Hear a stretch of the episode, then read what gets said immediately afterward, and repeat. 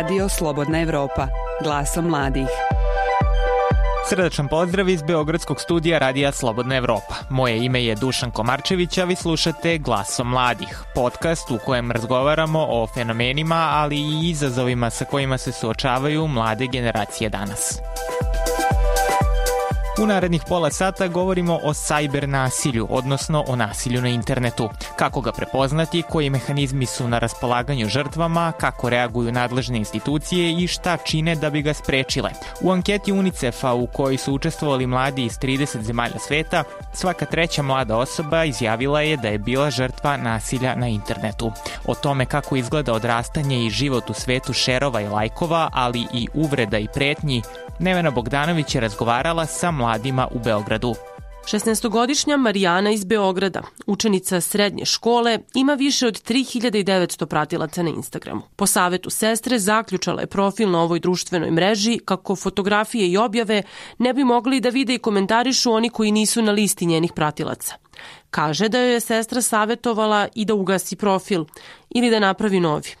Zatvorila sam profil baš zbog toga da ne bi mi pisali svašta i ovi što, što imaju preko 40 godina pišu mi svašta, šalju mi svakakve slike i to. Dešavalo se? Da, da, komentarišu mi slike, kako sam zgodna, kako ovo, kako ono. Ne prijaju mi takvi komentari i to što mi šalju, ono, uopšte mi ne prija. Marijana kaže da su ovakva neprijatna iskustva imale i njene drugarice iz škole. Druga vrsta uvredljivih komentara nekada stiže i od onih koji su na listi Marijaninih prijatelja na društvenim mrežama. Pa dešava se ove drugarice kao što mi glume drugarice, a nisu, nego ono samo ogovaraju, pričaju kako se slikaš, kako se oblačiš. Na Instagramu je pričana Marijana bitno ko nosi markiranu odeću. Pa ima i takvih koji samo nose original stvari i onda oni omalovažavaju te ljude koji, koji nemaju pare da te, za te skupe stvari to. Govoreći anonimno, skoro tri četvrtine mladih ispitanika u UNICEF-ovoj anketi izjavilo je da su društvene mreže, uključujući Facebook, Instagram, Snapchat i Twitter, najčešća mesta na kojima se odvija internet nasilje. Nakon što je na sve popularnijoj društvenoj mreži TikTok objavila nekoliko videa, Dari Dakić iz Beograda stigli su uvredljivi komentari. Pitaju me da si muško ili žensko, pa kako si žensko, pa pošto imam kratku kosu i jel te ne oblačim se kao klasično žensko, ali dobijam takve komentare stalno i kao ja bože šta radiš budalo, skidaj se s ovog. Mislim, dobijala sam možda dva, tri takva komentara. Kad gledam tuđe snimke i tuđe komentare, dešavaju se, da, tako na primer, to, skidaj se s aplikacije, šta radiš ovde, blamiraš se, bla, bla, bla. Tara kaže da uvrede ignoriše i da su je profili i na ostalim društvenim mrežama otključeni. Priča je da je od roditelja često dobijala savet da bude oprezna na internetu. Osjećam se kao da me neko prati, ali opet ne izbacujem toliko privatne informacije i nekako ne mislim da sam toliko ugrožena. Poštojem to što mi kažu roditelji i ne kačim jednostavno snimke svoje kuće ili snimke prijatelja bez njihove dozvole, neko da ne budu izloženi ljudima koji, kojima ne bi hteli da budu izloženi. Slušate podcast Glasom mladih. Prethodne epizode pronađite na slobodnaevropa.org ili na Google i Apple podcast aplikacijama. Ivan Jevgić, student istorije, u slobodno vreme se bavi muzikom. Njegove objave na YouTube i Instagramu su otključane kako bi svi mogli da čuju šta on radi, ali i da prokomentarišu. Pored pohvala bude i negativnih komentara. Pa ako je konstruktivna kritika super, ako je negativno, ono, imaš pravo da ti se ne sviđa, meni je to okej. Okay. Tako da, ostavljaš te komentare protiv. ili brišeš? O, ostavljam, naravno, naravno. Pazi, sve što postaviš na internet, ti si ga odmah postavio u cilju da to bude javno i da neko može da napiše nešto o tome. Verujem u slobodu govora, jel? Sad tvoje kako ćeš da protumačiš ako ti se ne sviđa, okej, okay, ugasi profil ili šta god, mislim da čitava ta priča o sajber nasilju je otišla malo predaleko. Filip Simić, student ruskog jezika u Beogradu, kaže da više nije aktivan na društvenim mrežama. Dakle, ja ne želim da postavim sliku da mi neko šalje, postavlja komentar ili pozitivan ili negativan. Mislim da su ljudi generalno izgubili osjećaj uopšte o tome da dele svoju privatnost, jer danas ja zaista ne znam više šta se smatra privatnošću. Cijel koncept privatnosti na internetu mi je vrlo konfuzan. Ističe i da on nije bio izložen uvredama na internetu, ali da poznaje mnoge koji jesu. Negativni komentari su, kaže, danas neminovnost u digitalnom svetu. Ne mogu sad da se setim kao konkretnog primjera i mislim da nikad nije bilo u pitanju jedna osoba koja je to radila konstantno. Prvo, to se jako lako sanira, možeš da blokiraš osobu i ljudi sebi samo daju za pravo da komentarišu stvari, da prosto kao imaju osjećaj da oni mogu da rade to i da mogu da komentarišu šta oni hoće. Kroz anketu UNICEF-a koja je pokazala da je svaka treća mlada osoba izložena digitalnom nasilju, ispitanicima je postavljeno i pitanje koga smatraju odgovornim za njegovo zaustavljanje. Za trećinu ispitanika odgovorni su korisnici društvenih mreža, trećina veruje da su odgovorne internet kompanije, dok je za trećinu odgovornost na državnim institucijama. Istraživanje krovne organizacije Mladih Srbije iz 2019. godine pokazuje da je 63% mladih starosti između 15 i 30 godina navelo da je bilo izloženo digitalnom nasilju. Pretnjama posredstvom interneta su posebno izložene aktivistkinje i aktivisti za ljudska prava kao i nezavisni mediji. O tome u nastavku razgovaramo sa Sofijom Todorović, aktivistkinjom i članicom tima Balkanske istraživačke mreže, Milošem Kovačevićem iz LGBT udruženja Da se zna, Jelenom Radivojević, novinarkom istraživačkog portala KRIK i Bojanom Perkovim iz Share fondacije koja se bavi zaštitom građanskih prava u oblastima privatnosti i elektronskog nadzora. Na početku Bojan Perkov odgovara na pitanje kako prepoznati sajber nasilje. Ja ne bih nešto sad pretarano pravio neku distinkciju kao između nasilja u fizičkom svetu i nasilja u, da kažem, tom digitalnom okruženju. Dakle, vrlo je sve isto, tu apsolutno postoji jednaka odgovornost i za uvrede i za pretnje i za sve drugo što ugrožava nečiju sigurnost, lični integritet, osjećaj bezbednosti i sve drugo što jednostavno e, mi imamo kao ljudska bića što nam je zagarantovano kao pravo. Recimo, interesantno je da je e, od nedavno, ne mogu tačno da se setim kada su usvojene te izmene krivičnog zakonika, ali uvedeno je krivično delo proganjanja. Dakle, ako neko konstantno želi da uspostavi kontakt sa nekim putem srstava komunikacije lično ili ovaj, na neki drugi način, uz ogradu te osobe, dakle kada osoba ne želi da bude kontaktirana, to je sada kažnjivo zakonom, dakle to predstavlja krivično delo. Tako da i tu smo na neki način pokrili još jedan sloj gde je često bilo situacija da niko ne može da vam izađe e, u susret ili da vam pruži zaštitu dok vam se nešto ne desi, a onda je dakle već kasno, tako da na ovaj način postoji još jedan vid zaštite i mogućnosti da se ljudi odbrane i da zaštite svoja prava, svoj lični integritet, svoju bezbednost i slobodu, da se ponašaju bez straha i da e, žive svoj život e, onako kako bi trebalo da žive. S obzirom da ste u toj materiji, koliko je cyberbullying prisutan u, u Srbiji?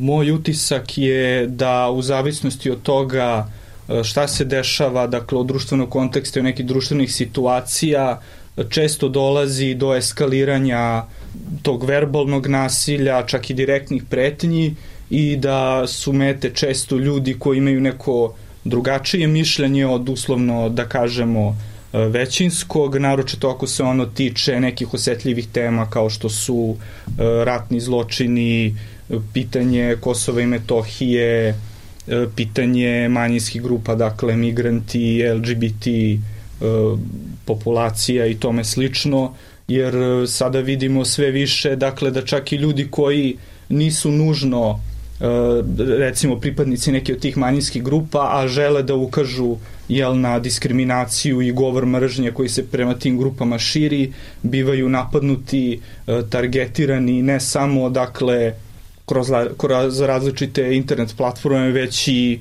u njihovom fizičkom prostoru, dakle gde može da dođe do ozbiljnih posledica i napada na njihov život i telo.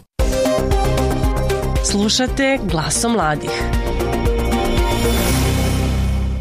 Miloše, kakve su vaše iskustva, e, vaša organizacija da se zna pruža psihološku i pravnu podršku osobama koje su uh, uh, bile žrtve homofobije, transfobije, a, koliko je sajber nasilje prisutno nad pripadnicima LGBT populacije u Srbiji? Tako je, mi uh, pružamo psihološku i pravnu podršku, ali pored toga dokumentujemo zločine izmržnje i diskriminatorne incidente prema LGBT zajednici. Um, zločini izmržnje koji se dese na internetu, ovaj, tu najčešće znači govorimo o pretnjama, redko se dešavaju neke forme ucene, ajde tako da ih nazovemo, i najčešće zapravo govor mržnje. Znači, govor mržnje može da se, on jeste sankcionisan našim krivičnim zakonikom, ovaj, ali on je pre svega zabranjen zakonom o zabrani diskriminacije, on potpada pod jedan tip uh, diskriminacije. Mi smo imali, dokumentovali 2017. znači od ukupnog broja uh, ajde zajedno da obuhvatimo te zločine izmržnje i diskriminatorne incidente kao jedno protivpravno postupanje motivisano homofobijom i transfobijom. Neki 12% e, je bilo, se dogodilo na internetu, tako da možemo da kažemo da ima jedan određeni broj slučajeva se dešava na internetu, kao što je Bojan rekao, e, to ništa ne menja, samo mesto incidenta, znači ništa ne menja u pogledu toga e, da li ste, na primjer, pretnju uputili usmeno ili ste ovaj pretnju uputili putem interneta. Mnogo veći problem jeste što naše e, tužilaštvo ovaj ima vrlo restriktivno tumačenje pretnje.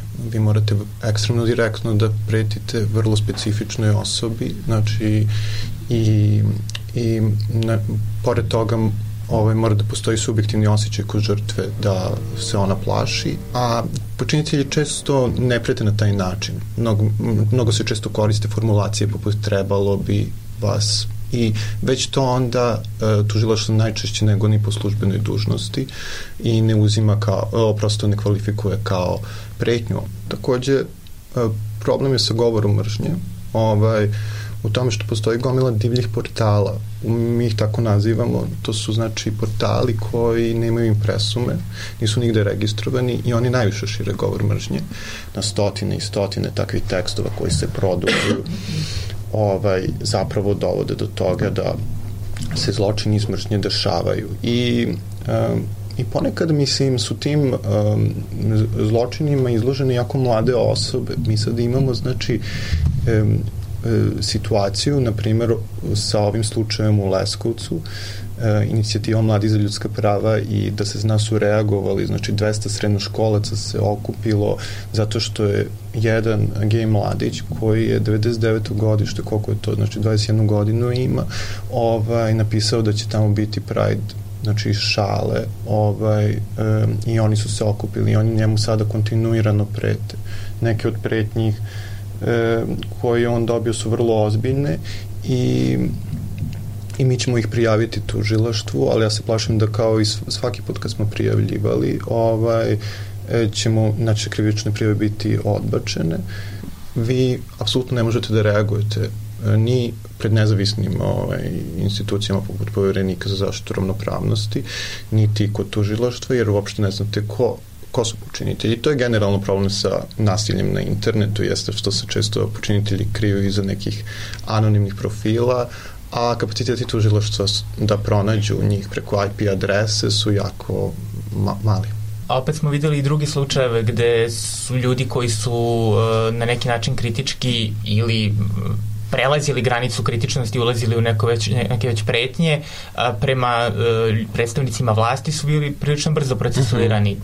Da, ta a, e, arbitrarnost u, u postupanju ovaj, tužilaštva imamo utisak da kao da postoje nekim slučajevima, kao što ste rekli, da zapravo e, tužilaštvo može vrlo efikasno da reaguje, a da za ostale građane um, to su neki dugotrajni višegodišnji a, procesi koji su neverovatno iscrpljujući i za koje žrtve najčešće nemaju ni finansijski niti uopšte kao a, resurse u smislu vremena, volje da ovaj, procesuiraju i zato je to naše udruženje da ih nekako motiviše i pomogne na svaki način, znači zato što ukoliko ne prijavljujemo slučajeve, onda vlast uvek može da kaže da se oni ne dešavaju. Slušate podcast Glaso mladih. Prethodne epizode pronađite na slobodnaevropa.org ili na Google i Apple podcast aplikacijama.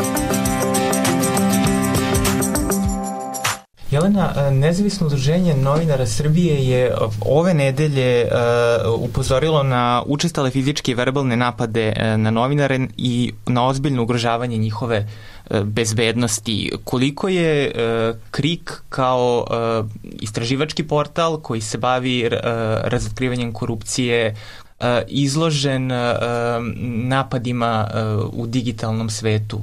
Pa da, svake godine se povećava broj napada na novinare i deo napada se dešava na internetu kao i mislim u, u svim drugim organizacijama verovatno, ali ono što je vidi se jedan obrazac ponašanja da kažem gde se nasilje na internetu uvek povećava um, nakon neke velike priče, nakon nekog istraživanja. I uglavnom je to ukoliko se tiče na, pošto, najviših državnika, da kažem, ukoliko je priča o sinu predsednika Vučića, tada komentari ne prestaju. Ukoliko je priča o, da kažem, visokim ministrima, tu se u jednoj minuti stvori da, ono, 50 botovskih komentara koji nisu samo diskreditacija našeg rada, već i uh, pra, vi ste na listi za streljanje kad očistimo ovu zemlju. Sada to nije pretnja, navodno, a zapravo vama je neko rekao da ćete biti mislim, streljani kada oni srede zemlju. I takvi komentara, mislim, ima konstantno. Mi se trudimo da i što manje, da kažem, čitamo takve stvari. Bio je slučaj pre nekoliko godina da je koleginica prijavila, dobijali su direktne pretnje, treba, uh, obesit ćemo vas ili tako nešto. Uh -huh Prijavljeno je visoko, uh, tužilaštvo za visokotehnološki kriminal, to je bilo tipa 2015. 16. i dalje se apsolutno ništa nije desilo, dok su novinari svojim metodama uspeli da dođu i do IP adrese i do osobe koja stoji iza i odneli u tužilaštvo i to i dalje nikada nije procesuirano. I takvih slučajeva ima nekoliko u kancelariji. Sofija, vi ste imali jedan uh, ličan primer prošle godine u aprilu, čini mi se, kada ste uh, pokrenuli akciju Jest, solidarnosti sa je. pekarom u Borči koji je bio na meti desnih ekstremista uh, zbog svoje nacionalne pripadnosti. Mm, pa, slučaj se desio prošle godine u aprilu, recimo negde u oči Uskrsa, pa bukvalno zapravo tog vikenda, ovaj, kada sam ja sasvim slučajno na Facebooku primetila sliku uh, brata od pekara albanske nacionalnosti koja se deli manito ovaj, kroz tu grupu i koja je imala recimo u momentu nekih 80 i nešto komentara gde je on u Knez Mihajlovoj i svojim rukama pokazuje jeli, nacionalni albanski simbol ovaj, u, u sred Beograda. I otprilike mislim da svakoj ovaj, osobi koja ima i ole pojam o tome kakva je situacija u Srbiji, hajde kako funkcioniš odnos između Srba i Albanaca, što na nivou realnog stanja, što na nivou percepcije, to nije baš ovaj, naj, najljubavniji odnos ajde tako da kažem. I kada sam ušla u tih 80 i nešto komentara, shvatila sam da od 87 komentara 85 osoba su pravi ljudi. Nisu nikakvi botovi, nisu nikakvi izmišljeni avatari, nisu nikakvi ljudi koje ne možemo da lociramo, nego su ljudi koje ja viđam na recimo nedeljnom nivou kada sam u Borčevu šta god i to je moment gde sam ja odlučila da se slučaj prijavim policiji jer sam shvatila da to nije šala i pre toga sam naravno kontaktirala pekara pitala ga da li on želi prosto da ja to uradim, da prijavim slučaj policiji, jer mislim da ne bi bilo baš zgodno da u policiji, u lokalnoj policijskoj stanici gde su svi lokalni ovaj, policajci koji se međusobno znaju u krajnjoj liniji sa, sa svim tim ljudima da prosto ide on, da je možda bolje to uradim ja.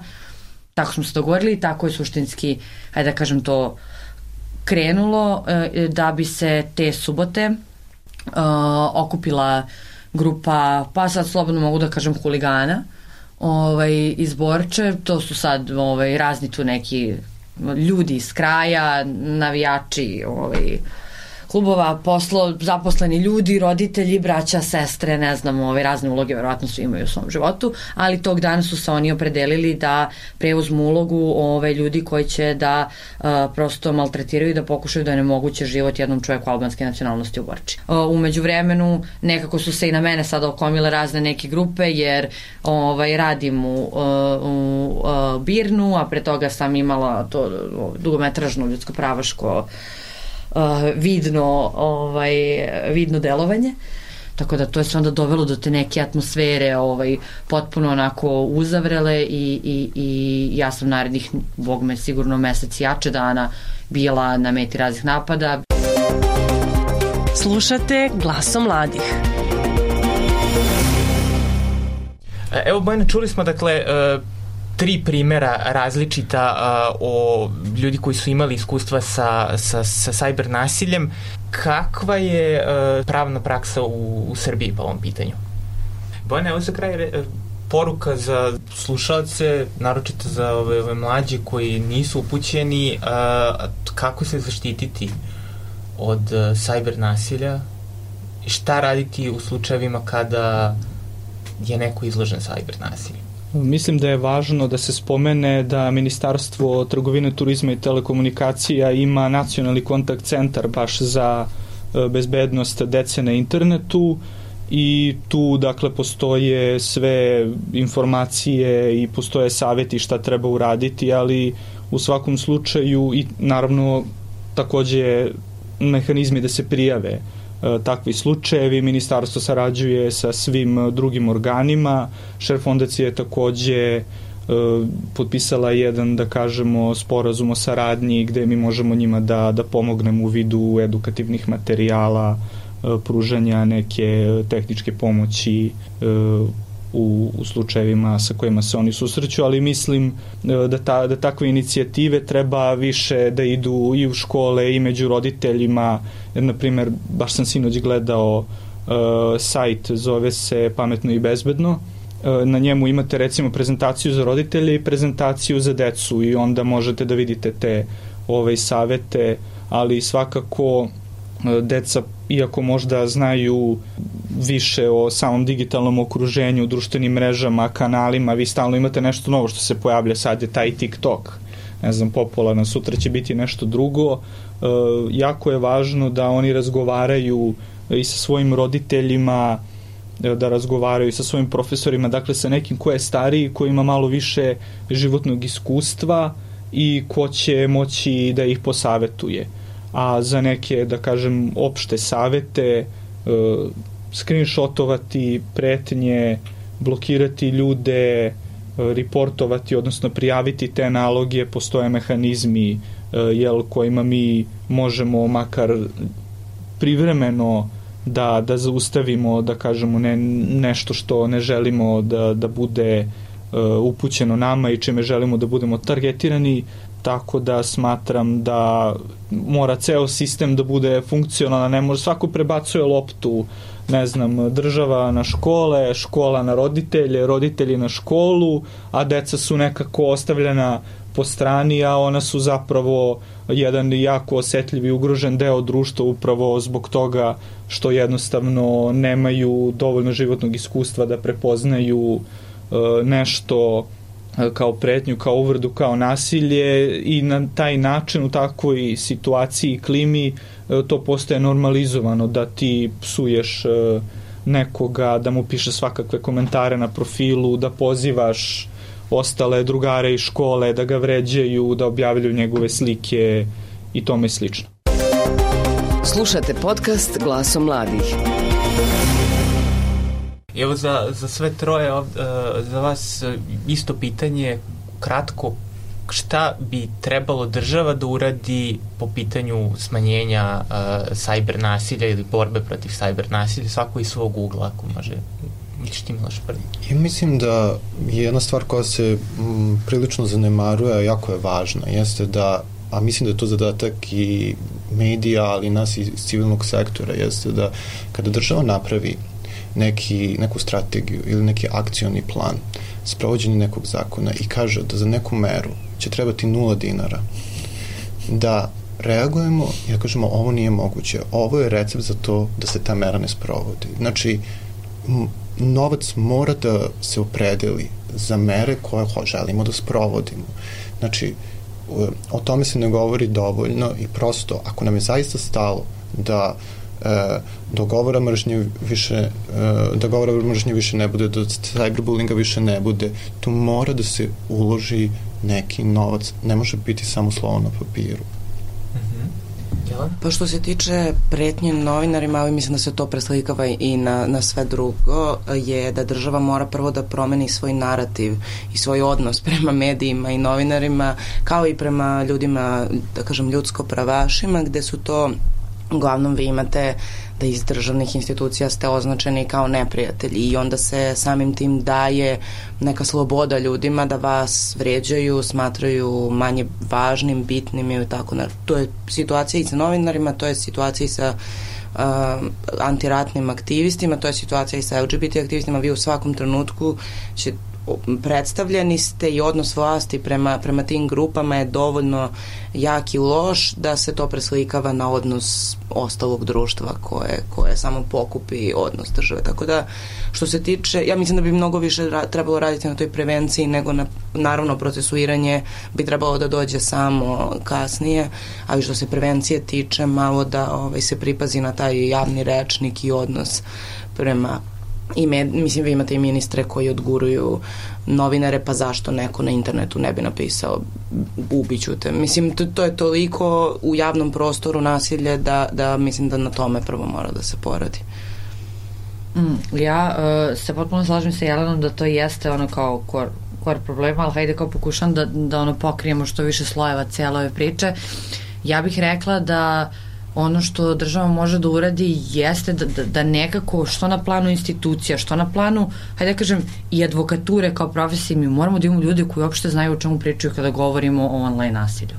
Mislim, mi stvarno moramo da imamo ljude koji su senzibilisani za temu uh, cyber, uh, delikata koji se dešavaju u cyber prostoru, za napade koji se dešavaju na medije, da umeju da kontekstualizuju te stvari. I mislim da mi nemamo prosto ni sudije, ni, ni dovoljno ljudi u advokatskoj praksi koji, koji prosto znaju o čemu govore kada govorimo o ovoj temi, koji su senzibilisani za, za ovakav vid problematike, koji prosto znaju šta žrtva online nasilja može da osjeća. Mislim, ja stvarno mislim da o tome u profesionalno, znači kao mimo toga što mi govorimo i kao podiže se neka svest o tome, ali zaista mislim da kao pravni stručnici, ljudi koji zaista treba time da se bave, ovaj, uključujući ljudi u VTK, meni je žao što njih malo i što imaju puno posla, ali ja stvarno mislim da ni oni mahom nisu dovoljno senzibilisani za ova pitanja. No i tu ima gomilu, gomilu stvari i polja na kojima moramo da radimo da bi prosto i taj moment procesuiranja, da ne bude samo procesuiram da bi procesuirao, nego kako ovo o čemu je Lela priča jeste prosto uzrok cele priče. Mislim, mi kada govorimo o tim ovaj, srednjoškolcima u Leskovcu, mislim, poenta je ko zna koliko još takvih srednjoškolaca ima u Srbiji, da li je samo njihovo procesiranje i zatvaranje i samo da pričamo o tome da li to rešava, apsolutno ne rešava. Mi imamo problem kroz edukativni sistem od početka gde je LGBT osobe ne postoje. I naravno da kada ti ne, prosto ne naučiš i ne normalizovati se kao detetu da je nešto sasvim prirodno i stvar tvog izbora, da ti posle svako ko izabere to drugo gledaš kao ludaka i kao da mu nešto fali i želiš da se braniš od njega. I samo za kraj, eto, volila bih da podelim sa slušalcima da BIRN u saradnji sa Share fondacijom ima veliku regionalnu databazu koja pokriva šest zemalja gde se trudimo da prosto uočimo i da skupimo sve slučajeve e, kršenja digitalnih prava i generalno ljudskih prava u online prostoru, pa eto, ovaj, pozivam, eto sve, ona je dostupna na svih šest jezika, tu su u pitanju Bosna, Hrvatska, Srbija, Rumunija, Severna Makedonija i Mađarska ove, pa i na svaka od lokalnih baza je dostupna na svojim jezicima, pa eto pozivam slušalce koji su zainteresovani da pogledaju koje su to ovaj, najnovija događanja u tom nekom smislu u, u ovim zemljama koje sam pomenula tu se mogu samo informisati ili i prijaviti ukoliko a, imaju? Ta, oni se mogu, kroz bazu se mogu informisati i čitati naše slučajeve koji se ubacuju na, na dnevnom nivou, a, a s obzirom da je baza deo jedne šire platforme a, koja se zove a, Beard ili Bird ili kako god, ovaj, na toj platformi u sekciji Get Help ovaj, mogu da pronađu a, formular u kom mogu da prijave incident ove, gde takođe osoba može da se odluči da li želi da bude anonimna, pošto naravno naši monitori ne mogu da pokriju apsolutno sve slučajeve i negde slučajevi koji zapravo završe u tom nekom javnom prostoru, mi uspevamo da ih skupimo, ali tu su privatni Facebook profili, tu su kao odnosi ovaj, uh, između ljudi gde sigurno postoji bilo kakvog oblika diskriminacije, prosto kršenja tih prava ovaj, u, u međusobnim odnosima, pa eto, uh, pogledajte e, Beard, pogledajte monitoring platformu, pa uh, ukoliko neko ima incident, može slobodno ga prijaviti tu. Eto, još jedno kanala za, Eto. za ljude kojima se, kojima se to dogodi. Hvala vam veliko svima na, na ovom razgovoru. O, ja sam uživao, a nadam se da smo i nešto korisno ovaj, uh, ostavili slušalcima da, da saznaju i neki novi ugao da dobiju. Hvala veliko. Hvala. Hvala. Bilo je to sve u ovosedmičnom podcastu Glaso mladih. U prethodnih pola sata sa vama su bili Nenad Branković i Dušan Komarčević. Sa vama smo ponovo za sedam dana. Do slušanja.